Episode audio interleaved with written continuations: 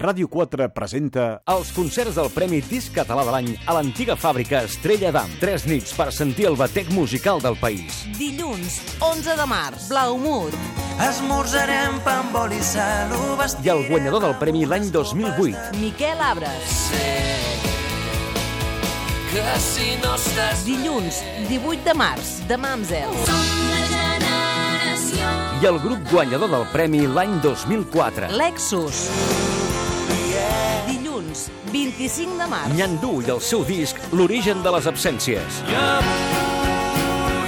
I el grup guanyador del premi l'any 2010. Ix.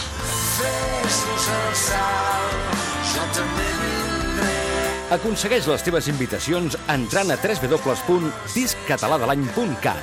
Viu la força del directe a l'antiga fàbrica Estrella d'Am. amb el suport d'Estrella d'Am.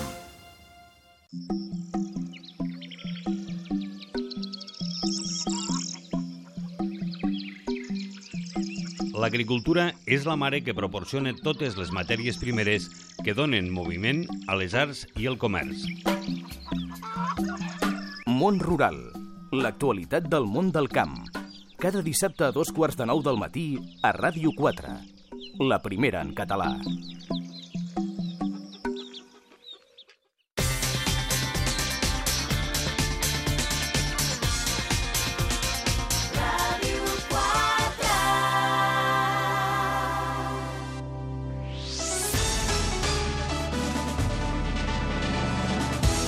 El matí a quatre bandes. Amb Toni Marín.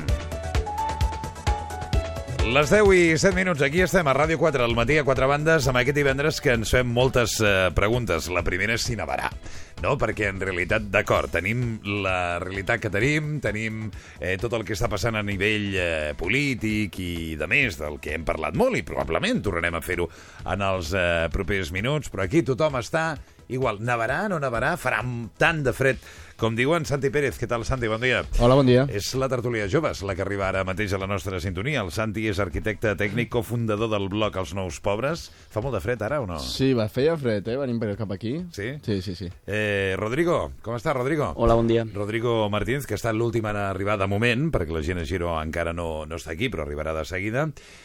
Tens idees, tu, per fer passar el fred o no? Eh, doncs no sé, està a casa, no? Home, ja, potser et ve alguna idea més, o no? Eh, el sofà? El sofà. Casa i sofà. M'acabes d'explicar el teu cap de setmana? Segurament sí. Sona apassionant, eh? Sona apassionant. I Alberto Gallardo, hola. Alberto, Hola, bon dia, Toni. No havia dit que el Rodrigo, jo crec que ho sabeu, és secretari general d'Estudiants pel Canvi, i l'Alberto Gallardo és estudiant de dret a ESADE, que porta uns dies, doncs, com la majoria dels mortals, no? mig gripós, amb Sí, angines... amb angines, eh? amb angines, sí, tota però la setmana. Però se't veu bé, no? Se't veu bé de No, salut, ara no? ja, ja està tot controlat. Eh? Porto tres dies d'antibiòtic, llavors. Molt bé. Tot.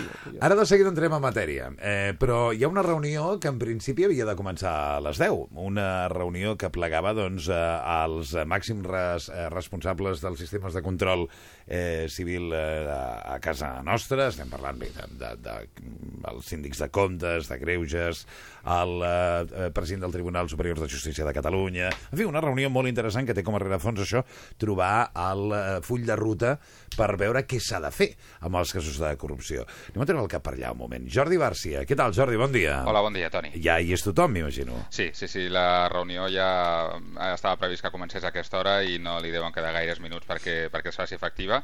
Arriba ben bé 15 dies després de la primera. La primera ens van quedar tots una mica desconcertats perquè no en va sortir cap mesura concreta. Uh -huh. eh, S'hi van posar idees sobre la taula però tampoc no van transcendir-ne cap i ara sembla que els assistents arriben a aquesta reunió amb un document que han treballat els últims dies, amb un document amb propostes concretes, sembla ser eh, que es poden aplicar fins i tot a curt i mig termini, per tant, mm, per moltes persones, imagino, no serà decebedora en el sentit que es proposin propostes de llarg termini que no arribin mai en lloc, sinó que serien eh, idees que es poden aplicar ja i que inclourien des de modificacions legislatives a canvis en el funcionament intern de la Generalitat. Són cosetes que ens ha dit el, el síndic major de la Sindicatura de Comptes, Jaume Mata, abans d'entrar a, la, a la reunió i ell, evidentment, eh, coneix en primera persona què és el que s'ha estat parlant eh, en els últims dies i en aquesta primera reunió. Per tant, esperem, per fi, un Mhm. document amb propostes concretes que es puguin aplicar de forma immediata. Jordi, serà una reunió molt llarga o què? No ho sabem. Uh, hi hi ha de parlar molta gent. Aquestes reunions solen ser bastant ordenades, amb un ordre del dia, amb un torn de paraula, etc. Per tant, imaginem que una hora llarga no, no els hi treu ningú.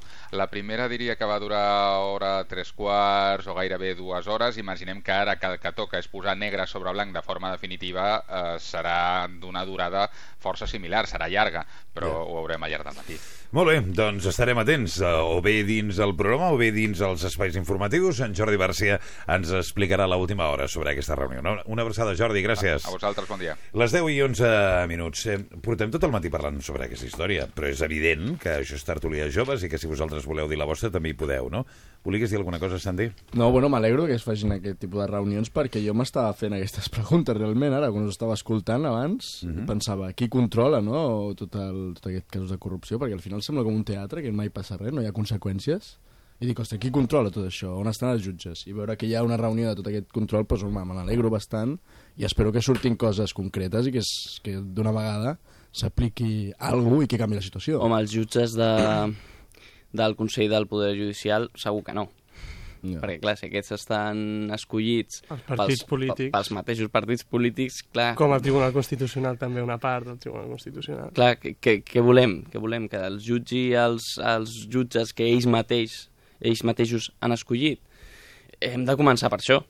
Sí, Bueno, sí. això es fa reforçant la llei, no? com deia Rajoy, el discurs de sobre l'estat de la nació que volia reforçar el Codi Penal i tot això. Bueno, però, però estem sempre casa, reforçant eh? les lleis. Eh, Hem fet una... Vam fer, no? No sé si va ser amb Zapatero, que es va fer una llei de transparència o una cosa així. A veure, ja és un delicte que un partit polític eh, robi diners, no? No, és que a mi, em- a mi em sembla curiós que fan lleis, de- lleis de polític o transparència. qualsevol persona. O, o com la llei de partits. O sigui, si ja, si ja està penalitzada la- l'apologia del terrorisme... Però es tracta de reforçar i posar penes encara més greus si eh, cometeixes corrupció, perquè si hi ha tanta corrupció significa que les penes no són efectives. No, jo crec Llavors que- es tenen jo crec que que- reforçar. No, el problema és que no hi ha condemnes. Clar, és que no hi ha Bueno, conseqüències. Això, reforçar el Codi Penal és el que es vol fer Però jo estic, per evitar segur, la jo corrupció. estic segur, no soc, no soc eh, cap advocat ni conec la llei en profunditat, però estic segur que hi ha lleis que poden regular aquesta situació. No, perquè sí, si això no... està al Codi Penal, exactament. I, però llavors el problema està en, en, en qui les aplica i quin procés segueix. Perquè si no, no hi ha conseqüències... Però hi ha un no control, no hi, ha, hi ha un control també, no? O sigui, Clar, hi ha un control dels comptes. Qui està fent aquests controls? Perquè Clar, clar, a això lo millor clar, els primers en caure han de ser aquests que estan fent el control dels comptes dels partits i no veuen... I Clar, no o sigui, per molt que veuen no facin la llei- també estan una mica en tota la trama, els que tenen que fer Bueno, aquests tenim controls, els jutges... La... Bueno, els jutjats. Eh, el Consell del Poder Judicial, que no és el mateix, perquè els jutges doncs, són els jutges. Sí. Eh, en, crec que en la seva majoria són gent honrada. Eh, I tenim eh, aqu- aquests que són els que han d'estudiar els casos de corrupció, que no, que no ho veuen, no? A lo millor hauríem de començar per, per això. Què tal, Gina? Com estàs? Hola, bon dia, molt bé. T'has adormit una mica, potser? Fas cara de son. Em, no, no, no m'he dormit. Bueno, estic cansada, però el problema no és que m'hagi dormit, sinó que he sortit potser en poc temps i com que és un dia de pluja he pillat Està plovent trànsit. ara o no? No, però està el dia així així i la gent va molt atabalada i, en fi, bueno, Ja. m'he confiat amb el temps. Tu quan eres petita jugaves a espies i lladres o no? No. No? no, no, Mai has espe- jugat No, a- especialment. Sí, bueno, alguna vegada sí, sí. Alguna vegada. És que jo avui tenia una curiositat, perquè, clar, eh, eh, juguem a, a escandalitzar-nos, tots juguem, ens escandalitzem tots davant de determinades eh, notícies, però em plantejava avui si ens donessin la possibilitat de dir podeu instal·lar un micròfon secret eh, i no ho sabrà mai ningú? Instal·laríeu un micròfon secret o no en algun Per lloc? què no? Per Sí. què no? Això, amiga, Per què no? Aquest joc m'agrada molt. Sí. A veure, Alberto, on, on creus que l'instal·laries? Mira, el- el això, millor això als micro- quatre us ho preguntaré, eh? El millor micròfon que tenim tots a sobre és el nostre telèfon mòbil. I ara hi ha un programa que s'ha fet que el govern ho pot utilitzar, però bueno, si, si ets un hacker de tot això, ho, ho pots arribar a utilitzar. És un programa que el que fa és, si tu portes el teu telèfon mòbil apagat o el que sigui, et pot estar escoltant el que estàs dient en qualsevol moment. Ah, sí? Sí, sí, hi ha un programa. En Espanya es pot utilitzar en els casos de terrorisme i narcotràfic. Uh -huh. Però tu pots tenir el teu mòbil a sobre i hi ha un dispositiu que, eh, bueno, amb un programa informàtic molt complicat i molt car, Activa et el micròfon. Activa el teu telèfon mòbil i et poden estar escoltant ara mateix. Ah, tu no els escoltes a ells, no? O sigui, No, dic, no, un, no. un dia estàs al metro i comences a sentir un senyor que et tosa la camisa, dius... No, no, no, no, no, no, és, no, eh? no, no. Però Ja. bueno, eh, si l'única manera de que no t'escoltin és si treus la bateria del teu mòbil. En qualsevol cas... no ho sabia jo, això. Però en qualsevol Sí, sí, cas, sí. això no respon la meva pregunta. Perquè la meva Bueno, és, un pregunta... micro, eh, seria, eh, és una manera d'escoltar. No, però la meva un, pregunta, Un Alberto, micròfon, és- un micròfon en si. Dius. On el posaries? El Què posaria? t'agradaria escoltar? Què t'agradaria saber que no... Mira, el, un micròfon, doncs mira, a la taula de casa on, on es menja, A la taula de casa. Sí. per exemple. Per saber què diuen els pares quan no hi sou els fills davant, per tu, no? exemple. O... No, ah, bueno, de la meva casa, bueno, de, de la persona que, que vulgui escoltar, per exemple. No, Ah, però no hi ha ningú en tinc- concret, eh? No, encara no. no. Jo és que us demanava per llocs concrets, Santi. Tu què, tu què faries? Eh, pues no sé si potser els passadissos del Senat o passadissos del Congrés, on, on no hi ha el discurs oficial, Sí. m'interessaria molt veure... Què és el que es diu? Què és el que es diu? Exacte. Ah, o a, a la taula del teu jefe, a- als- al lloc Del on, meu on jefe? treballes. No, vull dir... Ah, del teu. Del que seria el meu jefe, per exemple, al seu despatx, o, Ah. o al despatx del teu profe, per veure aviam si, si sents allà la pregunta del pròxim examen, o no ho sé, vull dir algun amic. Però jo crec que i a la fi, si pensem, eh, si fos un joc, sí, doncs ens faria gràcia, o potser en un moment puntual doncs voldries sentir alguna cosa que t'interessa, però en el moment en el que això es converteix en una cosa permanent, crec que ja és com una mica malaltís, potser, i que jo crec que m'acabaria avorrint, segurament. I a part, en el moment en el que això ja deixa de ser un joc i és real, vull dir, és com que es perden tots els valors, no? Una Ja. mica jo, amb tot això que ha estat pas passant aquests dies dels micros, jo faig broma amb els meus amics, va, anem a, a la Camarga a sopar, va, anem, anem. Escolta, m'han dit que s'es di- s'han disparat. Inicialment, els primers dies, reserves. havia caigut el tema de les reserves i ara sembla ser que tothom vol anar a dir la, Sí, sí, la és que està de Camarga. moda, jo, Que perquè se'ns en va del pressupost, però vam fer la broma de que aviam si anàvem allà un dia, perquè O sigui, ho veu mirar i tot. Veu mirar per anar-hi a sopar a la Sí, Camarga. sí, almenys vam fer el comentari de que ens agradaria fer un sopar allà en plan de... I que posessin gerro amb flors. Exacte, exacte. Sí, va haver-hi un que diu, jo, jo traigo les flores, va. Molt bé. Rodrigo, que faltes tu. Jo, bueno, jo ja ho vaig dir la setmana passada. Sí, on era? Que- No ho recordo. Eh? Que no ho recordo. No, no ho recordo. A la ONU. Ah, és veritat que vas dir a la ONU. Sí, bueno, vaig dir una mica els secretaris d'estat de, de les potències. Ja.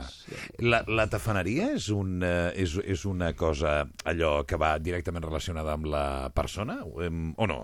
Ho dic perquè estem parlant en definitiva d'això, eh? O sigui, en definitiva estem parlant de que es juga a un gran nivell a una cosa que mm, és el que fem quan veiem Gran Hermano, que és posar l'orella a les Home, però dels jo, altres. jo no? crec que en aquest cas eh, hi ha diners. Oh, tant. Clar, no sí, és sí. tant tafaneria, sinó el fet de Control, que es no? mouen molts interessos econòmics, polítics, personals, de voler tenir més poder, etc.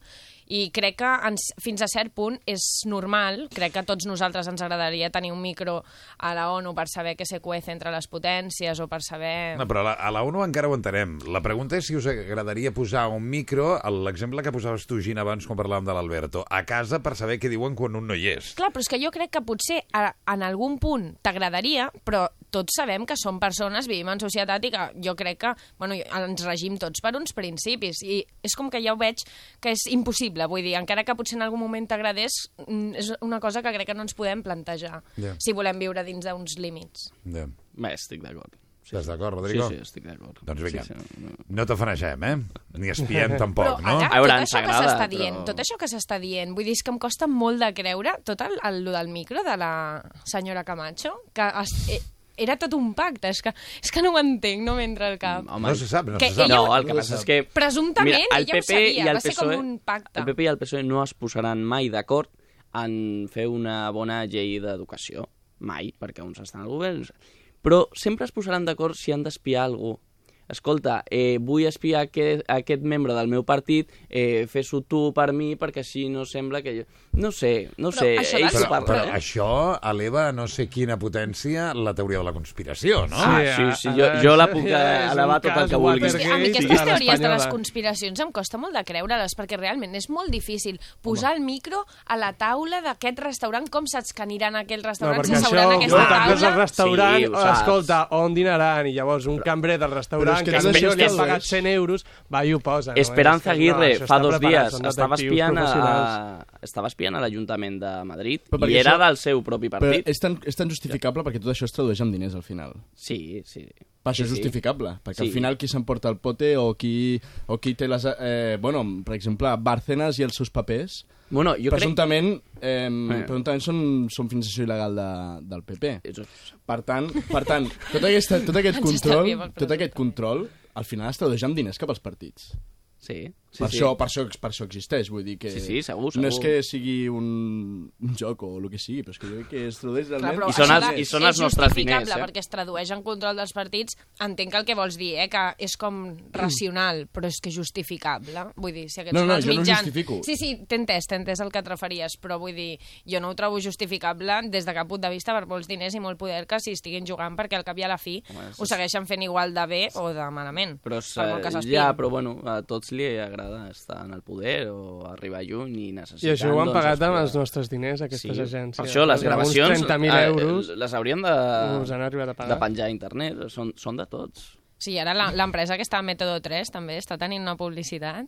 Bueno, sí, Brutal. això per descomptat. No. Eh, sabeu què farem després del programa? Avui amb el Camil Roca, eh, el nostre expert en publicitat, analitzarem la publicitat quan, per exemple, la Camarga, no? Uh, tot això li està afectant... Ara veiem que li afecta positivament en aquests eh, moments, però ningú no sap a la llarga com pot acabar afectant-li això. Si la gent que històricament anava allà realment a fer negoci. No el turista ocasional, el que li fa gràcia eh, apropar-se per sopar un dia per dir que ha estat, sinó aquell client habitual, si continuarà anant o no. Eh, o, o hi ha altres eh, exemples no? en aquests moments del que pot resultar la publicitat negativa. Com se li dona la volta a la història, no? que és una cosa que, que entenc que està molt bé. Escolteu-me, eh, per parlar de coses positives, comença el Barcelona Mobile World Congress, m'explicaven l'altre dia que fins ara els eh, senyors, parlo dels senyors, quan sortim de casa, sempre eh, necessitem tres coses. Agafem tres coses. Jo crec que tots estarem d'acord. A veure, Rodrigo, què, què agafes tu quan surts de casa? El mòbil, les claus i, i la cartera. Ja està. El mòbil, les claus i la cartera. Bé, doncs ara ja s'està treballant perquè una d'aquestes coses la puguem deixar a casa, que seria la cartera. És eh, evident que ja no cal eh, moltes vegades, fins i tot ni treure el mòbil. Ja hi ha caixers automàtics que simplement apropant-lo ja fan la lectura i carreguen en, en compte. No? Si a tot això, a més, li afegim un document digital que acrediti que som nosaltres, tot el eh, que teníem a la cartera passem a tenir-lo al mòbil, no? I cada vegada estem simplificant més, no? Realment el salt tecnològic que hem fet en només 10 anys, i dic 10 anys perquè vosaltres ho recordareu, Sí, sí, sí. no? Eh, és impressionant. Quan un Gina mira eh, endavant, què tindrem d'aquí 10 anys? Sí, la veritat és que en algunes coses sembla que retrocedim, però en altres és increïble com els humans ens ho estem manegant per avançar molt i molt ràpid d'una manera molt exponencial. Però això fins a un punt em fa una mica de por. Vull, a mi m'agraden molt les noves tecnologies, eh? però en el moment en el que el mòbil ho tens tot, també és com potser més perillós, no? És com tenir tots els ous eh, en Clar, la mateixa en bossa, el moment- no? i també hi ha- també hi ha molta mòbil gent que és poden capaç. robar tots els teus estalvis. Clar, hi ha molta gent que és capaç de hackejar i de, bueno, de descobrir tots els codis, et poden robar la cartera i el mòbil a la vegada. Però ens deien que, per exemple, això no tindria cap eh, problema perquè en realitat la informació ja no la tindràs al mòbil i, per tant, si el perds no passa res, sinó que la tindràs al núvol. Clar, això Sí, el el, concepte de núvol m'agrada. El- És com, la tenim al núvol, no? I no sabem molt bé on, és però... una central ahí a l'Alemanya o bé tu a saber, o a Xina. Clar, a mi, no, a mi això no em dona molta seguretat amb coses tan personals, no? Que estigui al... És que el núvol en qualsevol moment pot petar, no? Ja. Tindran còpies de seguretat. O ens pot, no? o ens pot esclavitzar. Esclavitzar per què? Això diuen, tia, Per Bueno, què? no? Eh? Ara tenen tot el control, poden accedir als governs i tot això, No ho he vist, a aquests no. centres, a aquests núvols. Sí, vosaltres no, no, he vist, no heu vist Terminator? Oh, I tant. Ah, i què passa a Terminator?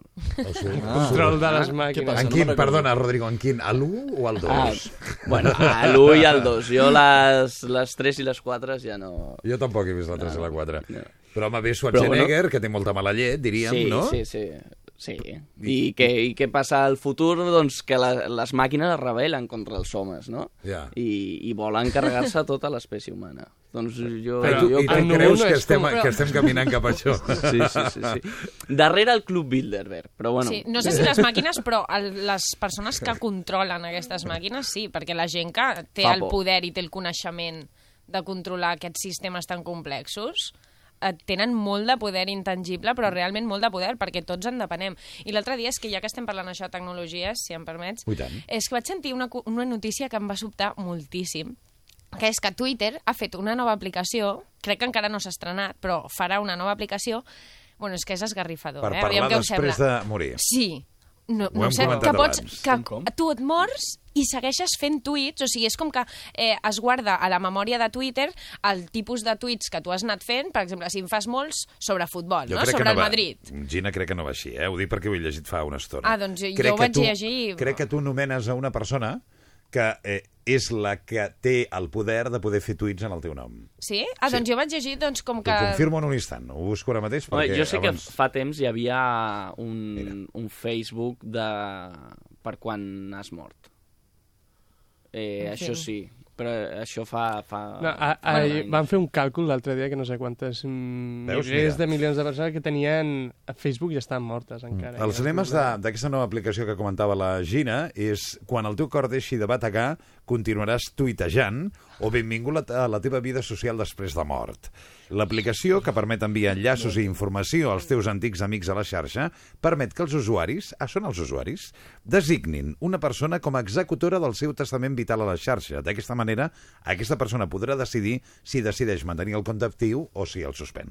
Però no és que mm, de Ah, manera doncs- automàtica, quin susto, no?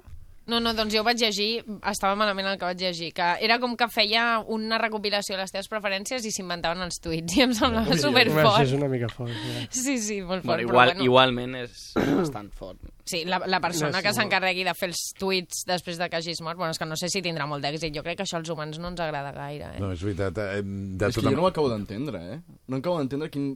O sigui, et mors, llavors continues la teva vida social. És com una cosa Però per, molt... per la gent que t'estima és molt traumàtic, no? Jo crec. No enteneu que aquí potser hi ha un punt de- d'aquella cosa De de, que ens agradaria no? Ser moment. eterns? Saps? Ah. La, no? De que tothom, si li diguessin tu quants anys vols viure, patapam, i que mm, probablement ens mig enganyem. Potser en no som molt... tipus. Cada vegada som menys conscients de, de la mort. Potser sí. Sí, jo crec Bueno, que sí, que cada ens, vegada ens costa menys. una mica L'humà sempre ha intentat negar la mort al màxim. De fet, a totes les religions, bueno, la majoria de religions el que diuen és que la mort no és el final i que ja o to- tornes a una altra vida o, Sí, és hi que ha els un humans, per paradís. definició, des dels nostres inicis, sempre Sí. ens hem inventat teories sí, i... que no hi ha mort, que no, Sí, hi, per no hi ha un final, que hi ha una continuació. Per això, sí, i a, això de Twitter és una mica com un resultat d'aquest pensament que hi ha entre nosaltres. Que, bueno, tu mors, però mira, ja, encara hi ha alguna persona que fa tuits per tu. Home, li, li hem, de, li hem Sí, de sí. trobar un sentit a la vida, no? Suposo. Twitter, no? Twitter. És, és Twitter, el sentit de la vida. Suposo que Sí. aquest és el sentit Això és una estratègia de màrqueting de Sí, Twitter. sí, escolteu, no parlem mai de la mort, és veritat, eh? La mort és una d'aquelles coses que si un pot prescindir, millor que millor, no? Fins i tot nosaltres, quan sortim de treballar, aquí hi ha molts dies que agafo el carrer Sancho de Ávila, que estem al costat del tanatori, no? I és molt habitual eh, posar- posar-te al costat d'un cotxe fúnebre. I és curiós, això fi- em fixava l'altre dia, com la gent no mira cap al cotxe fúnebre. Sí, Sabeu el que que us vull és- dir? és la la, la gent que li humana, toca ens- parar al semàfor, estàs al costat del semàfor amb el cotxe fúnebre i si pot ser... És que em fixava l'altre dia, em va cridar l'atenció, no? Mires cap a una altra banda, no? Dona, és com si fos un llullo, un mal rotllo, no? Sí, jo és una cosa que Sí, bastant mica sovint tabú. penso, com els humans no pensem mai en això, I, però jo crec que a la vegada quan et passa alguna desgràcia o alguna cosa que et fa ser més conscient de la mort, a la vegada és com que valores molt més la vida. O sigui, crec que és important pensar en la mort, perquè mm, m'ha passat moltes vegades que potser he conegut algú que li ha passat alguna cosa i és automàtic que després de passar un període doncs, una mica dolent, després automàticament aprens a aprofitar molt més la vida. En, ca en canvi, si no penses en la mort, doncs estàs perdent el temps en fent tuits, saps? Però Ja. crec que és eh, important que en siguem més conscients. Mentre no es torni una obsessió que t'impedeixi viure bé, perquè de, de fet hi ha una malaltia, que és d'aquestes persones que estan eh, obsessionades amb la mort. Hi havia un artista molt famós que es diu Damien Hirst, que totes les seves obres tenen a veure amb el seu por a la mort. I són com quadres que fa veure amb medicaments i tot això. Però en Sí, qualsevol no, cas... clar. Sí, sí. D'una manera equilibrada. Sí, exacte, d'una manera equilibrada, doncs, eh, esclar, quan has tingut un, un familiar o, o que s'ha mort, doncs, en aquell moment sí que penses en tot això, mentre després ho superis, etc etc. Sí. doncs sí. Santi, no has dit res. Home, no, perquè no estava pensant, perquè és un tema bastant... bastant no és gens fàcil de parlar-ne, no? Eh, trobo que, home, la mort és, bueno, és, el que, sem- bueno, és el que dona sentit estar viu, no? Potser. Sense la mort... Clar, moltes vegades quan es, quan tracta el tema de que, ostres, estaria molt bé que, que poguéssim escollir, potser, o volguéssim escollir quants anys viuríem, perdria, un, perdria molt sentit el que estem fent ara mateix. Perquè seria com, si tu saps quants anys viuràs, per com la- l'emoció, no?, al, al despertar de cada dia i voler saber què vols fer a la vida o saber què, a què et vols dedicar. Mhm. La És que mort, crec que la no mort podríem determina, viure sabent La quan mort morirem. determina, determina realment el que vols fer a la vida. És curiós perquè estic pensant que hi ha tota una sèrie de temes que, per molt naturals que siguin, per molt que ens afecten per la qualitat de persones, eh? Vull dir, És que és- és el més natural, de molesta fet. parlar, no? Però fixa't, Sí. no, no només el tema de la mort, estava parlant, i, i no és perquè ens posem a parlar d'això, eh? però el tema del sexe, per exemple, que també és un tema que a molta gent li molesta. Quan es parla és com si estiguessis faltant al respecte, no? Quan dius, però, però o sigui, què és el que és, no? O sigui, parlar d'una masturbació és que algú se'n porti les mans al cap eh, com a cosa poc apropiada. És curiós, què malament portem, ho dic perquè és interessant, em Són sembla temes el tema, tabú no? de la cultura, no? Però- Hi ha un programa però National és- Geographic que parla d'això, que es diu tabú, i són temes que en cada Això té cultura molt a són veure amb la tabú. cultura cristiana, jo Però crec. Sí, sí, és per al nostre ambient. Hi ha cultures que parlar de la mort és absolutament natural. Ja. I aquí ho trobem una mica com tabú. Però és que convertim en tabú coses que són, mm, vaja, Molt més naturals Home, que no altres molt que no naturals, Sí, sí. necessàries i totalment intrínseques de la vida, no? Que és l'amor i relacionar-se sexualment amb No, i altra segurament persona. que hi ha altres temes, no? És a dir, no ho sé. Rodrigo, què, què penses? Està el Rodrigo ara com que ha marxat un moment, no? No, no, sí, no, estic pensant una mica... Sí, és, és cert, són, bueno, sí, són temes tabús, no? Eh, els... Eh, sí, no sé, és que, clar, sí, és que no, no sé, no sé què Vosaltres- més dir, no? vosaltres teniu- la, tu- la, la mort... Eh, la A mort vosaltres us incomoda parlar, per exemple, d'aquestes coses o no, Rodrigo? Tu t'incomoda o no? Eh, a veure, parlar de la mort, mm, no. Encara que, bueno, potser estàs amb una persona que, que veus que està a punt de, de morir i sí que et, sa, et sap una mica greu, no?, parlar d'això, o, Home, si, o si, ell no, arribes, si aquesta persona no, no I li dius que mal te veo, sí, sí, sí Me no, despido, potser no passa bueno, no? no? Clar, és una mica no? complicat, o quan, no sé, hi ha, hi ha persones grans que, que et diuen no, bueno, a mi ja em queden dos telediarios, tal, i dius, bueno, no, ànim... A veure, no li pots dir, no, si et queda molta vida, no, perquè tens 90 anys i et moriràs, no? I és, i és lògic. En aquest sentit sí que costa una mica, no? Eh, però no, i el, i el sexe eh, crec que es pot parlar. Potser a vegades eh, som una mica frívols i a vegades ens manca una mica de serietat eh, el tema del sexe, no? I és com sempre, no passa res, sexe, sexe, sexe, no? I, i no respectem una mica el, el que és parlar de sexe, que és un tema molt interessant. Molt bé. Aquesta. Algú vol dir alguna cosa? Jo estic d'acord amb ell, que um, per una part potser sí que és veritat que parlar de sexe es desnaturalitza i potser hauríem de ser capaços de parlar-ho de manera més doncs, Natural, easygoing, sí. sí, més natural, però estic molt d'acord amb el Rodrigo que, i crec que les dues coses van lligades en que moltes vegades és com que es redueix el sexe a la seva condició de necessitat purament humana i es frivolitza molt, és a dir, bueno, cadascú s'ho pren com vol, però bueno, estic d'acord amb ell. Està molt bé. Digues, digues. No, jo volia dir que potser estàs d'acord, no?, que, en què parla de text sexe, llavors, si vols valoritzar-lo, no?, és millor parlar-ne i parlar-ne molt i en profunditat, llavors... De, no, de, no, de sexe No, no, no, es però- pot parlar, el que passa és que sempre és un, és un tema complicat, eh, perquè, bueno, potser com l'amor és, una, és una cosa molt íntima. Sí, són coses O delicades. sigui, jo que- crec, jo I crec que forma part de la intimitat de la parlant. persona. Però també Llavors- veus l'amor. Eh? L'amor. Sí, sí, per això... També no, no, és una, això més dic. íntima que la cosa O sigui- de l'amor, que quan t'enamores amb algú és fantàstic. No hi ha res... Jo crec que és més íntim enamorar-se que fer l'amor, per exemple. Més Segons íntima, com, no? Bueno, jo crec que són dos Se- nivells. Un és el nivell físic i el nivell emocional. Gràcies. Doncs... Eh... Molt bé, Rodrigo. Sí, són molt complementaris, tu i jo estic veient. doncs, eh, doncs això mateix.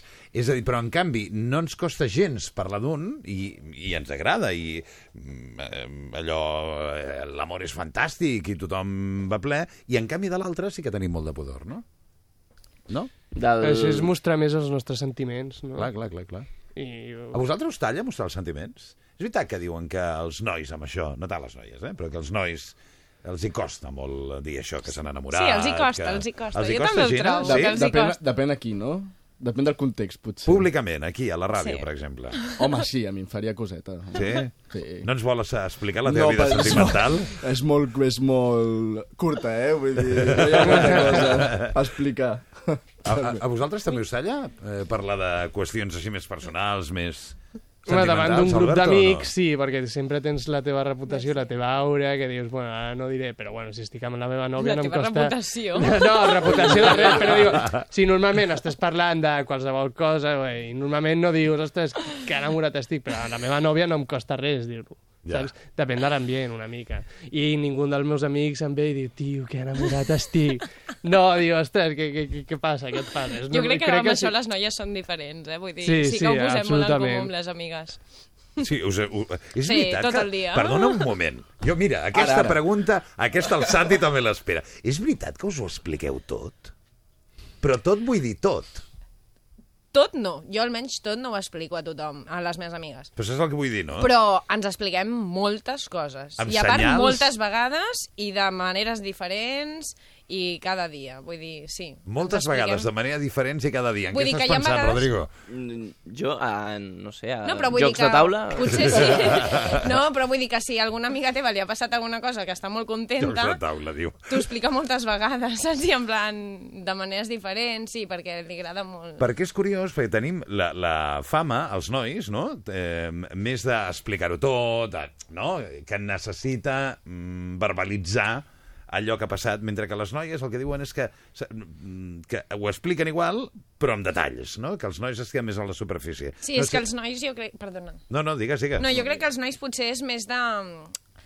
Aviam, potser és un judici, eh? però cadascú és com és. Jo crec que és potser més de cara a l'aparador, no? Amb Mm. els amics, eh, mira, tio, no sé Sí, sí, què. estic d'acord. En canvi, les noies és més molt més en detall i a la, amb la persona amb qui tens confiança. Això significa, Santi, estan d'acord com estàs sí. amb la Gina, que hi ha vegades que un exagera una mica la- l'obra feta? Totalment, i més els nois. Sí? I qui, noi que no ho digui, no, és broma, però jo crec que sí. Sí? Jo crec que les noies tenen una relació molt més sincera amb les amigues, no? I potser els nois tenen com aquesta relació de col·legueo, no? De, de, De gallito una mica, no? De gallito, sí, no? mira, mira el que he fet avui, no sé què, tal... Jo crec que és molt diferent la relació que tenen amb els amics, nois i noies, parlant d'aquest tema, eh? Ja, ja, ja, ja. Tu què dius, Rodrigo? Sí, estic d'acord. Sí, eh, sí, són més gallitos, potser. No, no és el meu cas, és cert que jo, jo no, no sóc d'expressar els meus sentiments i aquestes coses. En general, home, sempre tens el teu grup d'amics tu dius que ningú dels teus amics ho fa, però, però jo sí que tinc l'amic que, ai, ai, estic enamorat, ai, no? I aquestes coses, o, o ostres, has vist aquesta, amb aquesta noia em casaré, no? I està tot el dia amb aquesta... És el mateix? És el mateix? Eh? És el mateix, és el mateix. O sigui, és un noi enamoradís, és, vaja. Sí, sí, és un noi enamoradís. Sí, S'ho podeu sí. passar I molt bé, eh? Ens ho passem molt bé, sí, sí. Segur, eh? sí, sí, ens re- molt bé. Bueno, Sí. sí. ens riem una mica d'ell, però bueno, amb, amb carinyo. Riem una mica. La gent, No, perdoneu, però és que això en realitat segur que molts altres ho pensen, però ell és el que Sí, té la sí, sí. sinceritat per dir-ho. Jo també tinc algun amic que és així enamoradís, però clar, és l'excepció, perquè els altres normalment no, no ho diuen tant. Sí, sí, tan clar. Alberto. Sí, sí, sí, no, és, és el que deia. A mi eh? m'agradaria saber què estàs pensant tu, perquè la teva cara és un poema en aquests moments. Fantàstic. No, mira, la eh? meva nòvia està escoltant i, i vaig amb peus de plom perquè diu, escolta... No, però una cosa és l'amor real que tens a la teva parella. No, esclar, mira, I jo no cosa- em costa res ser sincer a la meva parella i dir, mira, t'estimo molt i, bonito, totes, bonito. no, i totes aquestes coses. Oh. Però realment, després, amb els amics, es, es tenen que, doncs, tens que semblar sempre una mica més, bueno, això, una mica més noi, més dur, perquè ell, a lo millor, l'amic al qui l'estàs parlant no t'ha dit mai alguna cosa així. Bueno, en fi, no sé jo. Sí, jo, l'última cosa, ja respecte a això, eh, els nois, per exemple, si alguna cosa els, els hi va malament, amb la parella jo crec que no ho explicareu tant, en canvi, les noies, doncs, crec que sí que ens ho expliquem, saps? Mm. Encara que sigui alguna cosa que sigui una mica patètica o que no va bé, nosaltres ens ho expliquem perquè la- l'altre ens digui eh, no passa res, o tranquil·la, o com ho pots arreglar. En canvi, els nois també ho fan, però Jo menys. tinc un amic que em deia fa poc que la seva ex-nòvia era exactament com tu estàs dient i que compartia totes les històries sempre amb les amigues. I que un dia, que es veu que havien tingut una discussió molt forta, eh, ell va anar a sopar a casa d'una d'aquestes amigues, diu, i vaig arribar i em vaig trobar les cinc amigues mirant-me amb una cara, o sigui, com si jo en realitat fos l'enemic de totes, no? Sí, sí. Clar, aquest és un, És un problema. És un problema, això. Clar, no? que, que les noies s'ho expliquen tot, després vas a un sopar i saps perfectament que totes les seves amigues ho saben. I és una, una situació molt incòmoda. Sí, què Realment. fas, aleshores, Santi? Pues riure molt, jajajiji, oblidar passar temes, no sé. Soy Intentar no frívolo, del tema. soy frívolo, soy Sí, frívolo, no? sí. Està molt bé. Jaume, què tal? Jaume, bon dia. L'amor no existeix! La mort no existeix o La l'amor? mort amb té final, sí! L'amor és una invenció judeocristiana per tenir-nos controlats! Va, home, Love Story, per què? tenir controlat el sexe! Perquè som animals! Primer és la química, després la física! I ho inventem una cosa anomenada amor per no anar de llit en llit! Per no què? Anar de llit en llit! Ah, i tu vas de llit en llit? No, perquè no em deixen. Però estàs enamorat? Però estàs enamorat? A veure, l'amor és una invenció de la religió, no només la catòlica, sinó moltes, per tenir controlada la població. Jo Si crec tu que això no és controles- veritat quan veus els animals, per exemple. I veus que hi ha determinades races d'animals... Pingüins. Pingüins, per exemple. sóc un Lo dels pingüins és al·lucinant. És A veure, al·lucinant. a veure si me'n recordo. Vaig veure l'altre dia un reportatge que l'hauria de veure tothom. Un reportatge brutal sobre pingüins, que al final se't salten les llàgrimes i dius, però si estic veient un documental sobre pingüins. De, de veritat, és impressionant. No recordo ara mateix com es diu, però us juro que el buscaré per, eh, per eh, dir-ho la setmana vinent. El viaje del emperador, sí senyor. El emperador. viaje de l'emperador. Si teniu oportunitat, és un dels mm, reportatges documentals més macos que jo crec que he vist mai. Eh, el coneixes, Jaume? I tant. Ah, sí? A mi m'interessen més els animals que les persones, ja t'ho dic ara. Ah, molt bé. Bueno, Perquè les persones sempre m'acaben decebent. ja. I els animals no? De moment no. De moment no, eh?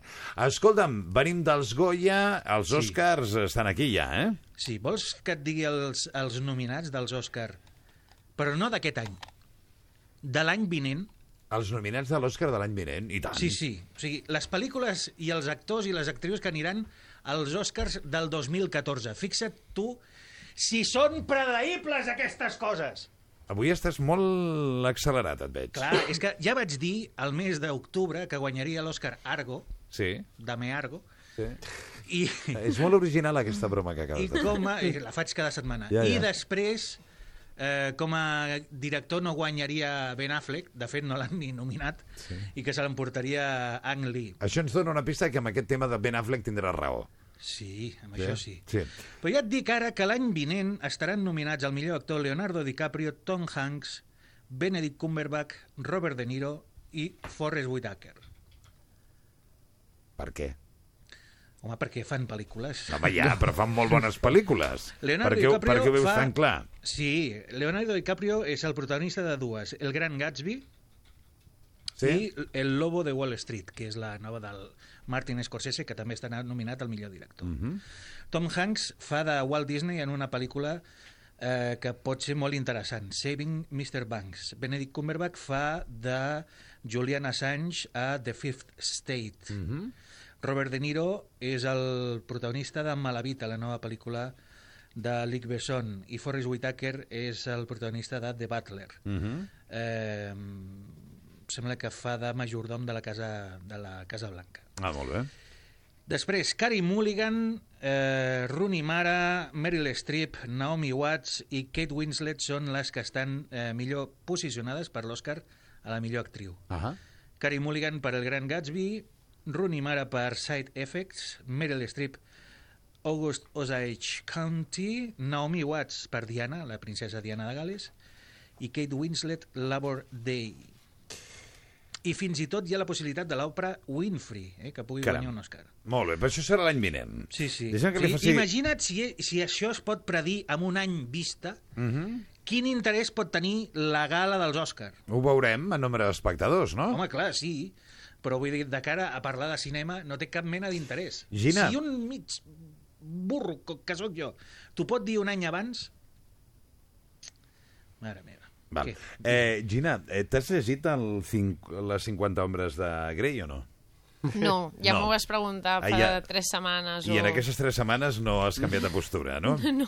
Molt bé. Vosaltres, algú de vosaltres s'ha llegit aquest llibre, Els 50 homes de Grey, o La no? meva nòvia. No. La teva nòvia. Jo Que, sí. que, com li has sentat a ella? Mm, molt bé. Aquí és una llàstima que no hagi vist la cara de la- de l'Alberto, hombre. Sí. O sigui que l'he sentat molt bé. No, no, sí, de sobte se li veia la cara quan estava llegint el llibre, no?, una mica. L'Àngel vol saber tu què tal t'ha sentat eh, la lectura de la teva nòvia. Bueno, no, no m'ha afectat a nivell personal ni res, però... Eh, No teniu curiositat una mica per... eh, Jo, jo de veritat que tinc curiositat per llegir aquest llibre, eh? per saber una mica de què va, no? I per veure què és el que ha provocat tot això, no? Com una mica el complot de, de les nenes. Tot, les veus a totes amb el llibre i parlant del llibre, tot això és com el seu tema. I, bueno, no, no vols entrar, no, no vols saber què és, millor no. Ara arriba al cine, no? O arribarà al cine, Jaume? Sí, eh, Mila Kunis, a veure, el llibre està pensat per les senyores, per dir-ho d'alguna manera, i la pel·lícula pels senyors. Ah, tothom content. Perquè, perquè als Ho senyors els hi caigui la, la bava.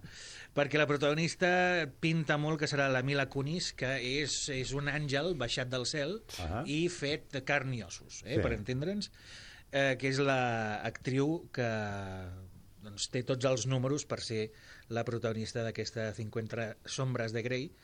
Eh, suposo que faran la, la trilogia sencera, eh, Mhm. cinematogràficament parlant. Però, evidentment, eh, aquí és, es demostra que el cinema i la literatura, tot i que estan interrelacionats des de fa des del mateix començament de la història del cinema, Mhm. són dos llenguatges absolutament diferents. Fixa't tu com un llibre pensat bàsicament per al consum femení, Sí. perquè és un, un llibre de consum, doncs enganyem. Però a mi m'han dit que no hi ha per tant, aquell llibre. De què? De, de bo? Sí. És que és un llibre de consum. Ah, un llibre de consum, ja. És, clar, és, Bueno, és llegir i que t'agradi No, i ja està. saber escriure... o no? Saber, saber eh, escriure un llibre perquè el llegeixi tothom i que agradi a tanta gent, jo crec que és molt difícil. Sí, segur, segur. Eh? Venem-ho com a llibre de consum, com a bestseller, Home, o jo, el que sigui. jo crec que és una mica com les pel·lícules, no? Li poses tetes i culs i, Fes-ne, i facilita. fes-ne un. No? Fes-ne un. Perquè sí, t'asseguro no, no. t'asseguro No, no, que hi ha vull dir que- infinitat de gent que aspecte- fent totes les combinacions possibles per guanyar molts diners. Eh, I això no li surt a tothom, eh? Que no és una cosa fàcil, està clar. No és una cosa Bàsicament, fàcil. hi ha tres menes de llibres. Els bestsellers, que ningú no sap quina és la fórmula, perquè si no tots serien bestsellers. Ahà. Els eh, grans llibres de la història de la literatura, que són quatre escollits els que poden arribar a fer un d'aquests llibres i que, per tant, doncs, eh, aquests han de triar entre ser grans literats i passar a la, eh, a la posteritat durant tota l'eternitat com a grans autors i, Mhm. i, i menjar, eh? bàsicament. Perquè el que fa un bestseller, aquest menja calent tota la vida. Ja. I després la immensa majoria de la resta dels llibres, que són els world sellers i que no interessen a ningú tampoc, no? Ja. O sigui, són milers i milers i, milo i milions de llibres eh, els que estan fora d'aquestes dues categories. Jo el que crec, sincerament, eh, és que quan un escriu un llibre el que li agradaria és que el llegís quanta més gent millor. Clar. I que bé, jo tinc aquesta sensació, potser m'estic equivocant, no? Però... No, però és curiós perquè bueno, la majoria de- d'autors que són empresaris d'història no es guanyaven molt bé la vida venent llibres. Mm -hmm. Sí, sí, Vull dir que també hi ha una relació entre tot això, potser... Bueno, no, tampoc Tam- és una ciència... I tampoc els canals de comunicació que hi havia abans són Clar. els que hi ha ara. Eh, no Però sé, jo estic d'acord amb tu en que si està molt venut és perquè està, segur que està ben fet el llibre. no, alguna cosa deu tenir, no? Alguna cosa deu Alguna tenir. deu tenir, sí, sí. jo et, et convido a llegir El Padrino i veuràs que és un trunyo impressionant. Bueno, Clar, és el és un llibre que segueix que és venent- pitjor que la pel·lícula. És, és un llibre que segueix venent perquè hi ha la pel·lícula. Ja. I Lo que el viento se llevó és un... és infumable. Com a llibre és infumable. Mira que ell ho ha provat, eh? Perquè hi ha un dia que me'n fies igual. Sí, sí. Anava a fer una broma tonta. Escolta'm, parlem de més eh, pel·lis que s'estan eh, preparant. És veritat que Harrison Ford podria haver signat ja el contracte per fer Star Wars 7? Sí, no només ell, sinó que Mark Hamill ha parlat aquesta matinada i diu que o signen tots o no hi sortirà ningú. Ah, mira. Eh, S'han conjurat tots els membres del rodatge i Sí. volen sortir tots en l'episodi 7. Ah, bé. possiblement seran cameos o aparicions molt petitetes perquè el més segur és que la història vagi sobre els fills Ahà. de Han Solo i Leia Organa o els de Luke Skywalker i Luke Skywalker serà com una espècie d'Obi-Wan Kenobi, eh? una figura allà, un mentor, un professor, una espècie de, de figura Però paternal. el, el Luke no pot tenir pare, no pot tenir fills. Ah, no? No? No ho sé. Home, no ho és sé. un Per Jedi. què? Ah, és un Jedi. Sí, Sí, però no pot tenir Leia també, en relació. teoria, és Jedi té dos. O sigui... Eh, sí, no, però, no, però la Leia el que té són... És I Anakin, Anakin potencial de Jedi, no? Anakin Skywalker en té dos! An sí, però perquè... Que és el, el, el, és el, és el elegido! Però perquè no segueix les regles. Clar, per això es converteix en Darth Vader. Clar, per Clar. En el xungo de la pel·lícula. Bueno, és el xungo, però és el que tothom està seguint És el sempre. que tothom està esperant que, Clar. que aparegui por ahí. O sigui, que tu el Luke no el veus pare. Jo no el veig res, eh? o sigui, és un, és, és un heroi de passo catamoli. Ja. En fi, sí, sí. No, sortirà, sortirà aquí. No sé, és que no ho sé si l'univers expan, ex, ex, ex, expandido, no sé com es diu en català, eh, el Luke Skywalker té fills o no. No estic segur ara. No sabem. Bueno, ja ho veurem, no? Sí, ja ho veurem. Només cal queden esperar dos uns anys. mesos. Queden dos anys encara. És un llarg embaràs, aquest. Sí. Què més? Quines altres notícies ens portes avui, Jaume? James Bond. Ah, mira. Bond, James Bond.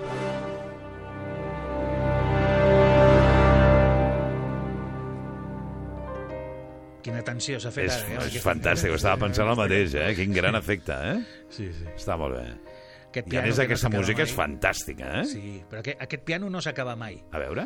Et Mira. puc fer tota la notícia abans de que canti l'Adele, pràcticament. Doncs dona una mica ràpid a veure si eh, encara la podem escoltar. Sam Mendes dirigirà... Ah, no, xt, un moment, mira, ja canta la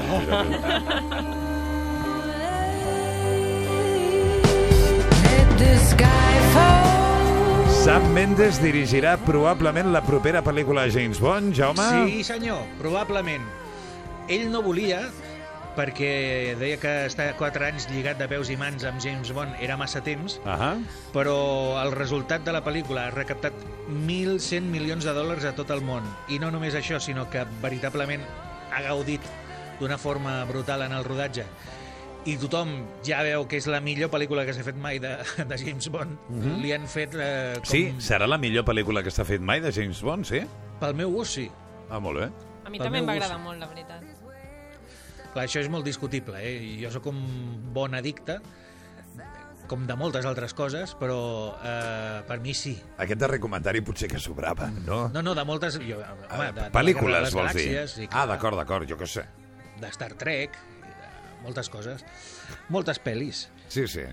Vosaltres... Apareixeran Daniel Craig, evidentment, Clar. Ralph Fiennes, Naomi Harris i Ben Winshaw. Seran els protagonistes d'aquesta pel·lícula, Sí. que encara no té un títol definit. I però no que sabem encara quan s'estrenarà ni res, no? Pel 2015. Més o menys. Sí. Bueno, dos Sí, sí, anyets. sí. No és Aquesta, tant. no. Serà, una, serà una bona collita, no?, el 2015, pel que estic veient. Déu-n'hi-do, el 2014 ja pinta bé Ah. i el 2015 també. Doncs està molt bé. Heu anat al cinema vosaltres últimament, aquests dies, o què? No, no, eh, no trobo pel·lícula, a veure si me'n recomana alguna. Django. Ja l'he vist, Django. Ja l'has vist? Bueno, jo He vaig anar Django fa Amor. un par de setmanes. I què? Django. Molt bona. Va molt agradar bona. molt, eh? Sí, jo sóc un fan de Tarantino i no em va decepcionar.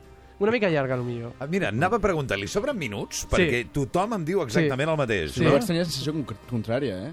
Jo vaig anar a la pel·lic, vaig anar al cine i no sabia que durava 3 hores uh -huh. i em va sorprendre que durés 3 hores perquè ho vaig passar superbé i vaig pensar, uala, que xulo, que xulo vaig veure que eren les 12 de la nit i vaig dir, "Hosti, he estat 3 hores al cine Ja veus. m'ha passat volant Això és fantàstic, volant. eh, és quan- fantàstic. quan- Però és que Tarantino sempre sí, eh? recrea a les seves escenes, es recrea Ja. una mica i, i al final, doncs mira, hi ha 20 minuts que potser podries haver tallat. Ja. Però bueno, és el seu estil. Jo. Està molt bé. Eh. Gina, tu has anat al cine aquests dies o què? No, no. Avui, no. aquesta nit hi vaig, aquesta nit. Ja tens seleccionada la pel·li? No, jo mai la selecciono, sempre vaig, me l'escolleixen. Ah, molt bé. Eh, I tu, Rodrigo, què? Doncs vaig veure Django i vaig veure el, el passat cap de setmana la de Lado Bueno de les Coses. Ah, et va agradar? La veritat és que sí, em va sorprendre perquè el, el Bradley Cooper aquest no, no semblava que podia fer un, un paper tan bo i fer-ho tan bé. És una Sorprèn, comèdia, eh? no? Sorprèn com a comèdia. Et penses que és una comèdia així com... Bueno, és una comèdia i- dramàtica. Però està, està molt bé, crec que em va Sí. sor- a mi em va sorprendre bastant. Sí, també, aquesta. a mi també em va sorprendre. Està molt bé. Jaume, quines estrenes tenim aquesta setmana? Doncs mira, tenim tres destacables. Jo us eh, recomano la que més, Blue Valentine, que és una pel·lícula del Derek Cianfrance amb el Ryan Gosling i la Michelle Williams. Mhm. Jo li poso un set i mig. Déu-n'hi-do. Sí, és una parella que després de viure durant sis anys i tenir una filla... Mmm, es decideixen casar, però aleshores la parella comença a trencar-se. Ja. Eh? I és Això una passa, eh? pel·lícula... Sí, sí, eh, passa de vegades aquestes cosetes. Aquesta pel·lícula està bé perquè és exactament com dèiem la setmana passada, una pel·lícula que analitza amb bisturí la relació de la parella i es basa en una cosa tan estranya com és el treball actoral. Mhm. És a dir, no hi ha ni explosions, ni persecucions, ni efectes digitals, ni res per, per l'estil. Siete psicòpates eh, seria una altra de les recomanacions d'aquesta setmana. Li Bona? poso És bona? Sis i mig. Sis i mig. Va, sí, per bé, passar no? l'estona i poca cosa més. Eh? Sí. Eh, Mira, crispetes i siete psicòpates, vale, mola. I la que prova pels pèls és l'Atlas de les Nubes, que és una cosa rara dels Wachowski siblings, Però per què crides quan dius això? Són els de perquè són els de Matrix. Ara ho entenc. O sigui, és aquesta la que hem d'anar a veure. La que és, de totes, la, la última que aniré a veure jo. Però s'assembla o no a Matrix? Afortunadament no. Però és tan pretensiosa o més que Matrix. Oh, déu nhi eh? Sí. I l'Atlas de la... Mira, serà la que vagi jo a veure. Sí, sí, sí, ja, ja m'ho explicaràs. Vale, ja t'ho explicaré. Són els mateixos actors explicant sis històries del passat, el present i el futur, Ah, i cap d'elles m'interessa ni un bri. ja. Eh, en fi, no sé, és que em fan molta mandra aquest, aquest parell. Bueno, tu et llegeixes les 50 sombres de Grey per veure si després han fet una bona adaptació o no. Fa molta mandra, també, 50 sombres de Grey. Per què et fa mandra? Et fa mandra tot, a tu, últimament. És que quan un ha llegit llibres com Los Tres Mosqueteros, com El Conde de Montecristo, Déu meu. com Moby Dick... Vo- Vols que et posi el nodo? Per què de perdre el temps llegint gasòfia com aquesta? Mireu aquesta notícia, que canvio de tema un moment. Estem a 3 minuts de les 11. Un comunicat de la Casa Real. Don Juan Carlos no s'ha plantejat en cap moment la possibilitat d'abdicar ni té previst eh, fer-ho, segons insisteixo han fet públic fons de la Casa del Rei.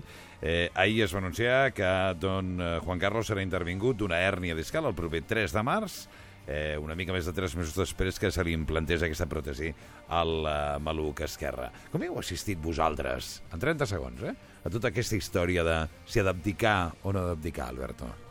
Jo crec que el que diu Pere Navarro és una cosa que pensa tot el món, però no és ningú per dir-ho, simplement. És Ah, això. Rodrigo? És qualsevol per dir-ho, ho pot dir, perquè crec que tenim llibertat d'expressió.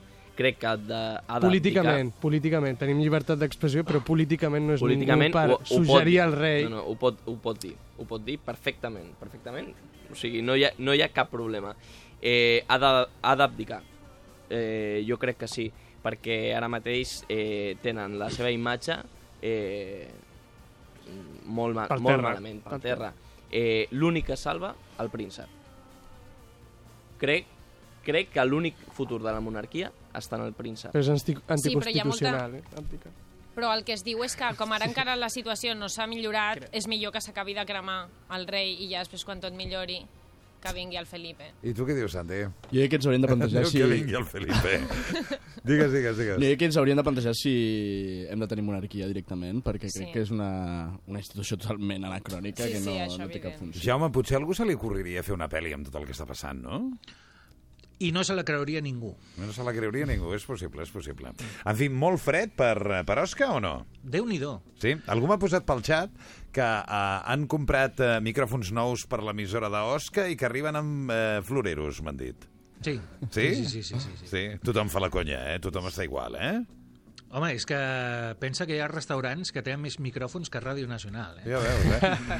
Jaume, que tinguis una bona setmana. Moltes gràcies. Gràcies, igualment. Escoltem, avui parlarem amb la Carme, que ja la tenim pel control, de que viatjar en parella millora la vida sexual, que va molt bé per la vida sexual, i que a més han descobert una hormona que fa els homes més fidels. Ho dic perquè avui estaria bé si algú de vosaltres vol quedar. Estaria bé per comentar... Jo no- Oh, i el Santi no, pot. Jo no puc, això de... No, no, no puc. El Santi no pot. Gina, tu et pots quedar o no una estona? Tampoc, Tampoc? Rodrigo, com va la cosa? Alberto, tu tampoc? Sí, no, no, viatjar en parella, cap problema. No, no, no, no, no dic que viatjar en problema, dic que quedar-vos una estona. Ningú no pot? Tu, tu Ah, pots quedar-te una jo estona? és que tinc el cotxe aquí davant. Ai, que té el cotxe molt Sí. aparcat. En fi, ho haurem de parlar amb la Carme. No hi ha cap mena de problema. Que tingueu una molt bona setmana a tots. Moltes Gràcies. gràcies. Gràcies tu, Toni. Són eh, la Gina Giró, el Rodrigo Martínez, l'Alberto Gallardo i el Santi Pérez, que ens han acompanyat fins a aquest punt. Jaume, la propera setmana més. Moltes gràcies. Arribem a les 11. Tornem de seguida. Fins ara.